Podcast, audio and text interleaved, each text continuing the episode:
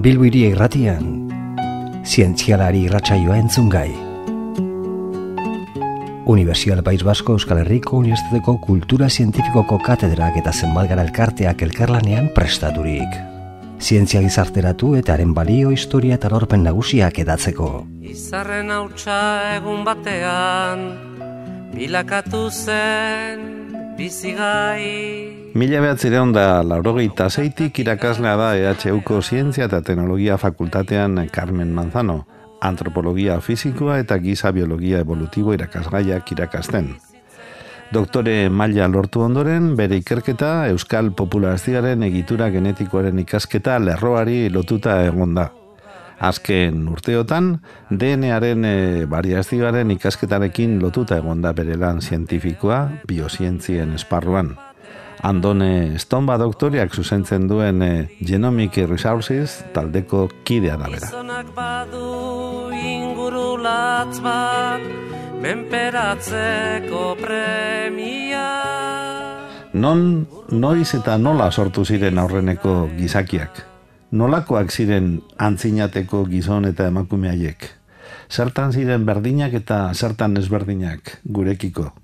Galdera andana luzea egin diteke gizakion jatorriaz eta gerostiko evoluzioaz.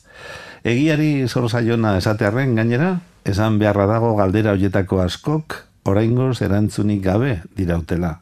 Hala ere, zientziak eh, galderak egiten jarraitzen du, noski? Haiek, haiek egin ezean, espaitago gaietan sakontzerik eta gauzak jakiterik. Gaurko gure gonbidatuak, Carmen Manzano ikertzaileak, zer ez dakigu eta zer uste dugu dakigula izenburua jarri dio giza evoluzioa ematen duen hitzaldi jakingarri bati. Eta gaurko saioan e, ba, egiaz dakiguna zehaztasunez e, azaltzen saiatuko da bera. Gure artean dugu dagoeneko e, Carmen ongi etorria zientzialari saio honetara mila esker gure gana etortzeagatik zuei, bai. Eta nahi baduzu, ba, ekingo diogu gai korapilatzu zail honi, izan ere, orain dela milaka eta milaka urteko kontuei buruz hitz egin behar dugu eta datu askorik ez daukagu, eta lekukorik bat ez. Ez? Eta baina, mm, zaila egiten zaigu gure buruari buruz hitz egitea, ez? Hori egia da. Eta bestalde, milioi urtei buruz hitz egingo dugunez, ba, zaila egiten zaigu baita ere, milioi urte horiek buruan kokatzea, ez? Baina Bai. saiatuko gara, bai. Zibilizazioak milaka, bi, mila, bi mila urtetan da. kokatzen ditu, Hori da, eta guz zazpi milioi urte esate baterako aipatuko dugu, ez? Ufa. Asko da hori, bai. Bidaia luzea egin behar dugu. Bai, bai. Tira ba, hasiko gara. Bueno, txinpantzea eta gizakia. Txinpantzea gandik eh, nahiko hurbil omen gaude, gizakiok zuk esango diguzu, eh? Egia da gure aide hurbilena bera dela, eta egia da orain dela sei edo zazpi milioi urte bizi izan zela bi espezien arteko nola baiteko arbaso bat. Bai, esango denuke horri buruz nahiko ziur gaudela. E, biologian egiten dugun lehen galdera, giza edo edozein animali egin da, zein da hurbilen, evolutikoki hurbilen dagoena. Da hurbilena txinpantzea da. Eta banatzeko arbaso komun horren eh, momentua erloju molekularrarekin kalkulatu izan dugu, da 6-8 milioi urte tarte horretan dauela, esan dezakegu, ez dugu esango ziurtasunez, baina, bueno, bai, gitxi gora bera hor. Ba, kuriosoa da, ze itxuraren aldetik oso antzekoak gara, baina gero garapena gizakiak sekulako garapen intelektuala euki du, ez da? Bai, e, niri beti gustatzen zait esateak e, definizio bat, ez da? Homo sapiens tximin afrikar arraro bat da, gara. Ez? Tximino afrikar arraro bat gara. Tximio afrikarrak gara, bertatik gatoz, eta arraroa zetan, ba, e, animalien munduan e, berezia bakarra den moldapen bat daukagu, adaptazio bat daukagu, eta hori da kultura. Hori da gure berezitasuna. Eta kultura burmuinean oinarritzen da, ez? Beraz, guk eh, badugu kultura eta tximinoek ez dute kulturarik. Hortan dago desberdintasun handiena. Kultura definitzen badugu e, partekatutako jokabidea eta belaunaldiz belaunaldi transmititzen dana, eurek dute protokultura. Eh? Mm badute, e, partekatzen dituzten jokabideak. Baina gure kultura beste maila bat, gure kulturak beste maila dauka, ez lenguaian oinarritzen dugu gauza komplexuagoa da, eta eta hori zean da, segurazki gure burmuinaren garapen emateko oinarria, ez? Ba, bai. Txoko ekologikoa betetzeko modu berezia kultura izan da. Eta hori izan da gure arrakasta tximino mesela. Aha, horregatik gara tximino arraroak, ez da, gure bai, bueno, eta bi pedoa garelako. Osea, bi hainken gainean ibiltzen gara, da horren ondoren hasi izan e, entzefalo edo burmuinaren garapena. Orduan arraro gara, lokomozio moduagatik eta kulturagatik. Uh Tira, eta ez dugu inoiz pensatzen horretaz, ez da? Tximino arraro garela, ez, baina gara. Eta tximino izateak gure e, funtzionatzeko gauzen arteko e, edo gauzak asaltzen ditu oso ondo. Mm baterako e, taldeak, gustatzen zizkigu, edo ikutzea elkarregin, hori beharrezkoa da, tximinoak garelako. Ez e, giza semeo garelako, tximinoak garelako. Mm Eta etengabe egiten dugu. Etengabe ikutu, etengabe taldean bizi, taldea da guretzako funtseskoa. E, etzaigu hotza gehi gustatzen, ez? Claro, tropikala gara, nola bai, ez? Afrikarra gara. Tira, zenbat gauza ikasten ari gara. bueno, beraz, e, eta zer dakigu, bakigu nola baiteko zehaztasunez e, noi sortu ziren lehen homininoak?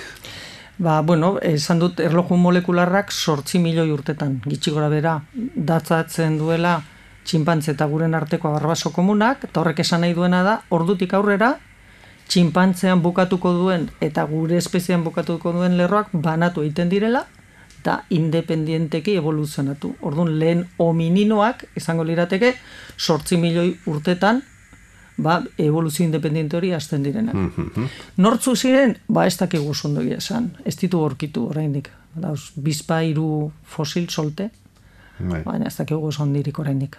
Mm Hori da daukagun galdera sakona. Sakonenetakoa, ez da? Bai, mm, bai, non zeuden, eta nolakoak ziren hominidoiek gero epatuko dugu azken aurkikuntzak eta eta datu batzuk bai. emango ditugu, baina hori geroago. Bueno, homininoak eta ipatzen ari gara, eta hor e, zuek e, ikertzaileok adituek e, zailkapen oso zehatzak egiten dituzu eta izen nahiko bigurriak eta dituzu ardipitekus eta australopitekus eta homo erectus eta habilis eta sapiens eta, eta, eta horrorin eta, ez da bat izen arraro bai. bueno, eta gu geuk herritarra runtok eta ze zailkapen e, ze izen nagusi eduki beharko genuke buruan ba ez dakit izenak arrunten zate, ez, ba, ba, izena berdin dio. Nik uste e, garrantzitsua dena da irudia. E, nik ikasi nuenean, ba, irudia zan gure e, filogenia, filogenia deitzen diogu zuaitz evolutiboare, ez? Gure filogeneanen irudia hilara antzeko zerbait zan. Progresio hilara bat, ez? Txinpantza antzeko zeo zer, astralopitegusak, parkatu, e, homo erectus, neandertalak eta gizakia, progresio hilara bat, ez? Gaur egun, badakiguna da, e, irudia ez tala hilara, irudia zuaitza dela, gaur egun zazpi genero eta hogeta bost espezie definituta daude, eta esan nahi duena horrek da, e, zenbait arbat daudela zuaitza horietan, garaikideak izan diren zenbait espezie existitu direla, batzuk suntzitu, besteak aurrera jo. Beraz, ideia nagusia komplexutasuna, eta gainerako animaliak bezala abarrugari. Hori bat. Eta gero, irudiaren barruan, zuaitz horren barruan, ba esango genuke, sortzi milioi urtetatik, iru milioi urtetara, ba, demagun australopitekusen mundua. Hola, norokorre. Eta nola dira horiek, txinpantzen antzekoak, tamaina aldetik, burmuinaren e, tamaina baita bostun zentimetro kubiko, eta mm, han Afrikan bizitzeko modua, bat txinpantze baten antzeko. Zein da desberdin e, tasun bakarra? lokomozioa. Bi hanken gainean, bi pedismoa deitzen dena. Ta iru milioi urtetan, bi lerro sortzen dira. Edo ikusten ditugu. Bata, e, australopitekus sendoak edo parantropoak deitzen direnak. Murtxikazio oso espezializatua, e, elikagai gogorrak, izango lirateke behiak bezala, baino tximinion munduan. Ez? Eta horiek desagertu iten dira milioi bat urtetan. Da, hori da lerro bat, Eta beste lerro bat aurkitzen dugu iru milioi urtetan, fosilak dira e, burmuina handiago dute, hortzeria txikiago dute, eta garrantzitsua dena. Eurekin batera, e, arrisko tresneria aurkitzen dugu. Eta hor, jartzen dugu homo izena. Eta homo hori, lerro hori non kultura agertzen da lehen eta kulturari esker, hori suertatuko da rakastatxu, Afrikatik aterako da, teknologia garatuko du, eta iritsiko da homo sapiensera. Hori da, irudi okorra. Ba, nahiko, nahiko laburra, baina nahiko zehatza, ez da? Baita, baita ere. Hor beste kontu bat, e, generoari lotuta, homo esaten diegu, Bai. Eta orain arteko irudi guztietan, Carmen, e, gizonezkoak irudikatu izan ditugu. Hori e, denon errore handi bat izan da, ezta? Dinosu emakumezkoak ez Hori da, daudelako. e, agertu ez delako, eta... Hombre, errore, fun- funtsesko errore bat, ze gu, gure eh, ugaltzeko modua sexua da, eta bi sexuen arteko, eta emakumeak egon izan ez balira, ba ez ginatek hemen egongo, ez? Hori da. Hoi da. Baina gertatzen dana da gure gizarte honetan e, ba, gehienok gizonak diren ez zientzia egiten eta eta bueno, komunikazio munduan eta ez eta eta gero baita ere ez dagoen ez sen, sentsibilidade hori. Ba irudiak jartzen ditugu beti gizonak konturatu gabe Eta orduan gizonek asmatu zuten tresnak, gizonek eiza egiten zuten, gizonek pintatu egin zituzten kobasuloak, gizonek behiratzen zuten zerura klima jakite, eta emakumezkoak, ba, ez dakit nun zeuden. Bai, norabait egiten dugun irudia da emakumea ja suaren inguran ja sukaldean geneukan Hoi da. ordutik eta Umeekin. gizona ja Hoi da, bai. produkzioan gizona, ezta? hori da. Baina hori segurazki gezur gezurrik handiena da. Ze, denak denean ibiliko ziren, Pues, ben, ben, ben, ni pentsatzen dut, e, pues bai ez, ez, denek egingo luketela. Gaur egungo iztari biltzaileak behiratzen baditugu, ba ikusten dugu zelan esatatako, eiza, normalean gizonak joaten dira izara. Zergaitik, ba, normalean emakumeak ume txikiak eramaten dituztelako gainean, eta ume txiki batekin eizara basoaz, gaizkizoaz, porque umea negarrez azten bada, Eta arriskua, ezta? Eta gaina eta Arriskua salatu egiten ez zaitu, eta arriskua ba, berentzat. Eta... normala hori izaten da, gizona joaten dira, baina zuk hartzen baduzu e, eiztari biltzaile e, baten e, elikagai portzentaia zenbateraino da iza eta zenbateraino da bildu, landareak, e, fruituak eta, ba, bilketa izaten da, eguneko jiro eta amabosta, demagunez. Da hori nortzuk egiten dute, emakumeak, zaharrak eta gazteak. Beraz, e, funtseskoa ez da gizonek eiza egiten dutela. Arrakasta ez da egon eiza sartu dala, baizik eta nik uste arrakasta egon da partekatzean. Batzuk eizakarri, besteak bilketa egin, partekatu, eta horrek egin du e, giza taldeak sendotu, sendotu eta, hori da. eta bideratu. ezta? Eta ondorengo gehiago izan, azken finean arrakasta biologikoa zein da, ondorengo gehiago izan, Hori ziurtatzea. hori ziurtatu, ez, bai. Mhm. Bueno, bide batez esan da. Gero beste, beste kontu terminologiko bat eta zuek eh, ebatzita daukazuena, baina oraindik eh, gizartera iritsi ez dena. E, nola esan behar dugu? Hominidoak, orain arte esaten genuen bezala, ala zuek orain ez dio zuen bezala, homininoak. Eta zergatik, egarben? Pues hori da espezialisten arteko eztabaida bat, ezta? Bai. E, hori da sailkapen egiten denean, e, garrantzia ematen diozu gizakeari, eta orduan hominido bakarri garagu, edo kontutan hartzen dozu zer gertatu den evoluzioan. Orduan, evoluzioan gu badakigu e, superfamilia homenoidea deitzen dana, horretan sartuta gaude gu, txinpantzea, gorilak, orangutana eta jiboiak. Eta hoi dira superfamilia hominoidea. Da, Horren barruan irudia esan duen moduan gurekiko hurbilago dauena da txinpantzea. Orduan, talde horren barruan s- eh, satitu egin behar duzu. Eta satiketa horretan guk erabaki duguna da hominoidea superfamilian eh, hominido jarri bakarrik gorila txinpantzea eta gizakia eta hominino gure leinua. Orduan, hominino hobestu egiten dugu, kladismoa dalako gaur egun e, sistematikan taldeak egiterako e, zientzia horretan erabiltzen dana. Baina hau da espezialisten, eh? nik uste ideia dala hobestu egin duguna, hominino. Bai, Hori da, gaur egun- nolabait, arbaso guztiak eta aide guztiak... Hau da, eh, arbaso komuna existitu zenetik eguneraino, sortzi milioi urtetik onaino sartzen ditugun fosil guztiak, hoiek izango lirateke hominino. Jo, ederki.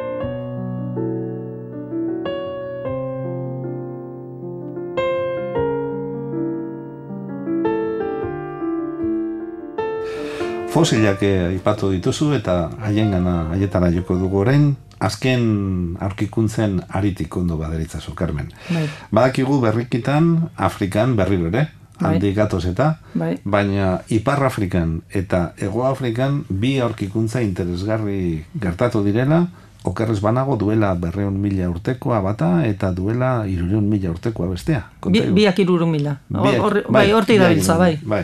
Mhm. Konta iguzu, naledi, homo naledi delakoa Bai. zer den. E, bata homona ledi hori mi- 2008an aurkitu zuten izatez lehendabizikoz definitu zen espezia Ego Afrikan. Eta e, berezia izan zen zeren eta e, etzekiten datazioa. Sekulan ez da publikatu espezie bat, berri bat dataziorik gabe.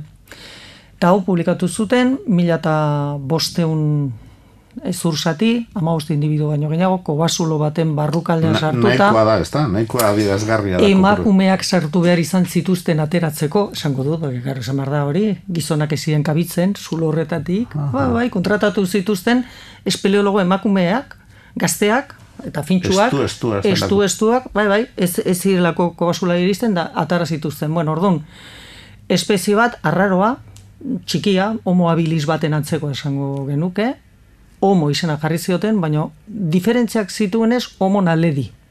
Ez homo habilis, baizik da homo naledi. Gauza zan, bere datazioa, itxuragatik esaten zuten, ba, bi milioi urte inguru izan beharko lugu, luke, baina ez egiten. Aurten, oin dela, hilabete, publikatu dute datazioa, iruren mila urte, pentsatzen zara, baina askoz, askoz ere gazteagoa, eta beste e, bi individuen arrastoak aurkitu dituzte, e, oin dela bi urtetik, bi urteko arrastoetik, eun metrotara. Kobasuloan bai, baita. Ka, honek zer esan nahi du? Pues, e, seguraski, sua esaultzen zutela, Gero, bertara sartzeko da ikusteko nundi zabiltza, Han biziko baziren, ez da? edo sartu. Da beste batzuk esate dute igual hileta jokabide bat dela. Ba, gero, zetako sartu zituzten bertan. Ez, ez dute ebazketa arrastorik, osea, ez, ez zituzten jan, ez, ez dute urak eraman duen eh, arrastorik, beraz, mm, eurek jarri zituzten hor, ez? Orduan, hori da, eta karo, esatozu irurun mila urte, boston zentimetro kubiko, anego Afrikan. Eta irurun mila urtetan, hori dela, ama egun publikatu dute, Marrokon, homo sapiens zaharrena. Mila eta irureun zentimetro kubiko, eh, kranio askoz be modernoagoa, horrek esan nahi du, eh, iparraldean, da Ego Afrikan, guztiz desberdina diren, bi espezie garekide. Hori, Euske non pentsatzen, olako hori gertatu, aurkituko genunik, ez? Horrek eh, indarra ematen dio zuaitzearen irudiari eta Noski. ilarari kaintzen dio. Hori da. Eta baita ere, e, esango genuke, indarra ematen diola, e, Floreseko ugartean, ego Asian, aurkitutako homo floresiensis, e, aztarnari, zeren horrek ere... Gogora dezagun hori, mesedez. eh. Bai, homo floresiensis aurkitu zuten orain dela 2000 eta bostean, eta berezia zan baita berriro ere txikia zalako tamainaz eta bosten zentimetro kubiko zituelako. Eta bere tresneria, moderno al- arrizko tresneria, baina zan lau moduka moderno, homo sapiens zen bezalakoa. Ba, ezen onartu gure leinukoa mod- eta esan zan patologia bat zala, ez? Eh, Mikrocefalia bat. Txikia zeukala murmuina, eritasunaren ondorioz. Ba, gaur egun onartuta dago eta bere datazioa pues, iruro eta amabos mila urte. Hemen homo sapiens atzeuenean. Beraz, orain daukagu homo nalidi irureun mila urtetan. Homo sapiens afrikatik jade datuta aldi berean. Homo floresiensis jaban eh, hemen neandertalak zeudenean. Ez? Beraz, lengo progresio eta eskailera eta gure biderako ideia hori guztiz desagertzen ari da, ez? Eta zuaitz irudi hori, ba, irudi horrek izugarrizko indar hartzen ari da. Esan liteke beraz, alako sasoi, alako aro batean, giza espezie espeziaren edo espezien artean alako ugaritasun bat eh, izan Ba, bai. zitekeela, ez da? Ba, bai. Lenguzu eta lenguzinak izan ditugula gero aurrera jo ez dutenak bai. Denetarikoak izan Bai. direnak eta Bai, bai. Hori ez da naturari erreparatzen badigu, Carmen, ez da hain esoikoa, ez da? Ez inolaz ere, hori bestelako leinuetan gertatzen da antilopen artian edo, edo karniboen artian bai gertatzen da. Baina beti gure gure buruari buruz pentsatzen genuenean ni- nik uste hori da erlijioaren eraginaren ondorioz, ez? Bai. Jainkoak egin gintuen da Era, ba, era batekoak Era batekoa, eta gero, karo, e, fosilak agertuela, ba, zetako egin zituen guzti horiek gure espeziera iristeko, ez? Hori izan nola baita helburua. Ka, baina hain beste espe, hogeta boste espezie definitu ditugula, horretan, ez? Zetako, zelako lan hartu zuen jangoikoak, ez? Gure espeziera. hogeita bost. Hori da, gure espezie iristeko, ez ez du ematen, ez? Ez du ematen. Ez du ematen. Handik izan Ez, ez, bueno, gehiegi lan egin zuen. bueno, e, azken aurkikuntza hauek e, izugarri lagundu aldute, ez da? Ideia hori indartzen, akaso? Bai, eta, eta bueno, mm, baita zientzilarien arteko pasatzen dira edo zein zientzia arloan modak, ez? Eta bas, momentu bat nun, bueno, pues lasai zauz, ez, ez dago gauza berri askorik, espeziak ez dira gehiagi azaltzen, eta orain gaude olako errevoluzio momentu batean, gauza berri asko, e, diskusio ugari, eta nik uste, pues, lasterrein barko dela kongresu bat, jendea bildu, ze orain gaude, iaia aurkitzen den gauza bakoitza da espezie berri bat e, sistematika da taldeak egiteko zientzia, ez? Eta orduan hor dauz bi korronte esango nuke. Bateratzaileak eta banatzaileak. Eta orain badirudi banatzailea dauzela nagusi, ez? Eta, Ez, ez dira berdinak, ez berdinak. hori da, hori da, homo naledi, homo fluorescensis, homo tal, keniantropus platios, izenak, izenak eta izenak. Eta bueno, nik uste on behar dula, eh, pues en fin, baretu egin behar dela apurbete korronte hau, eta seguraski eh, nik uste ingo dala olako bateratze partziala. Baina egin behar da, ze izan gehiagi. Izan gehiagik, Nik uste baietz. Mhm. E, bukatzeko, zure iritzian, eh, ze erronka jo behar du orain e, zientziak e, giza evoluzioari dagokionez, zeintzu dira Ba, erronka nik nagusiak uste dut genetikaren mundutik etorriko direla e, erantzunak, eta erantzunak, edo galderak, erantzun beharreko galderak, dira alde batetik ba, espezien diskusio hau, ez? E, esaten duena, bateratzaile, banatzaileen diskusio horretan, claro, mm, DNA, genoma, behiratu badezakegu, ba, esan dezakegu zenbaterainoko desberdintasuna daude, eta hor, espezien diskusioan hor erantzunak egongo dira. Barkatu, baina oso txikiak izan omen dira desberdintasun horiek, ezta? Gero Eh, denean daudenak. Ez pentsa, eh? Osea, gauza bada, mm, baina desberdintasun, a ber, mm, esate batako neandertalak, modernoak, eta, osea, homo sapiens, eta denisobarrak, eh, jada badaude, sekuentzia duta, eta desberdintasuna daude, eta izatezuk jakin dezakezu, Zein zain den? Bai. Bai. zein zein den. Bai. Gertatzen dana da, hori da laureun mila urtetara iritsi gara oraingoz teknologiarekin. Beltzea da, eh? Eltzea ez genuen pentsatzen, baina pentsa esan dugu zazpi milioi Bai. urtea. Ez, Orduan, ez dakit noraino iritsiko garen, baina ikusiko dugu teknologia oso harin e, doa. Ikusiko dugu. Da gero beste bidea da, konparatu dugu jada txinpantzearen genoma eta gurea, eta ikusten ari garena da, zeintzu genetan, zeintzu partetan dira desberdin genoma horiek, eta horren jakin nahi duguna da, parte horiek zer egiten dute. Eta horretarako erabiltzen ditugu arratoi transgenikoak. Hartzen dugu arratoi bat, kentzen digu zati hori, ipintzen diogu giza zatia, eta ikusten dugu aber arratoiak zer egiten duen.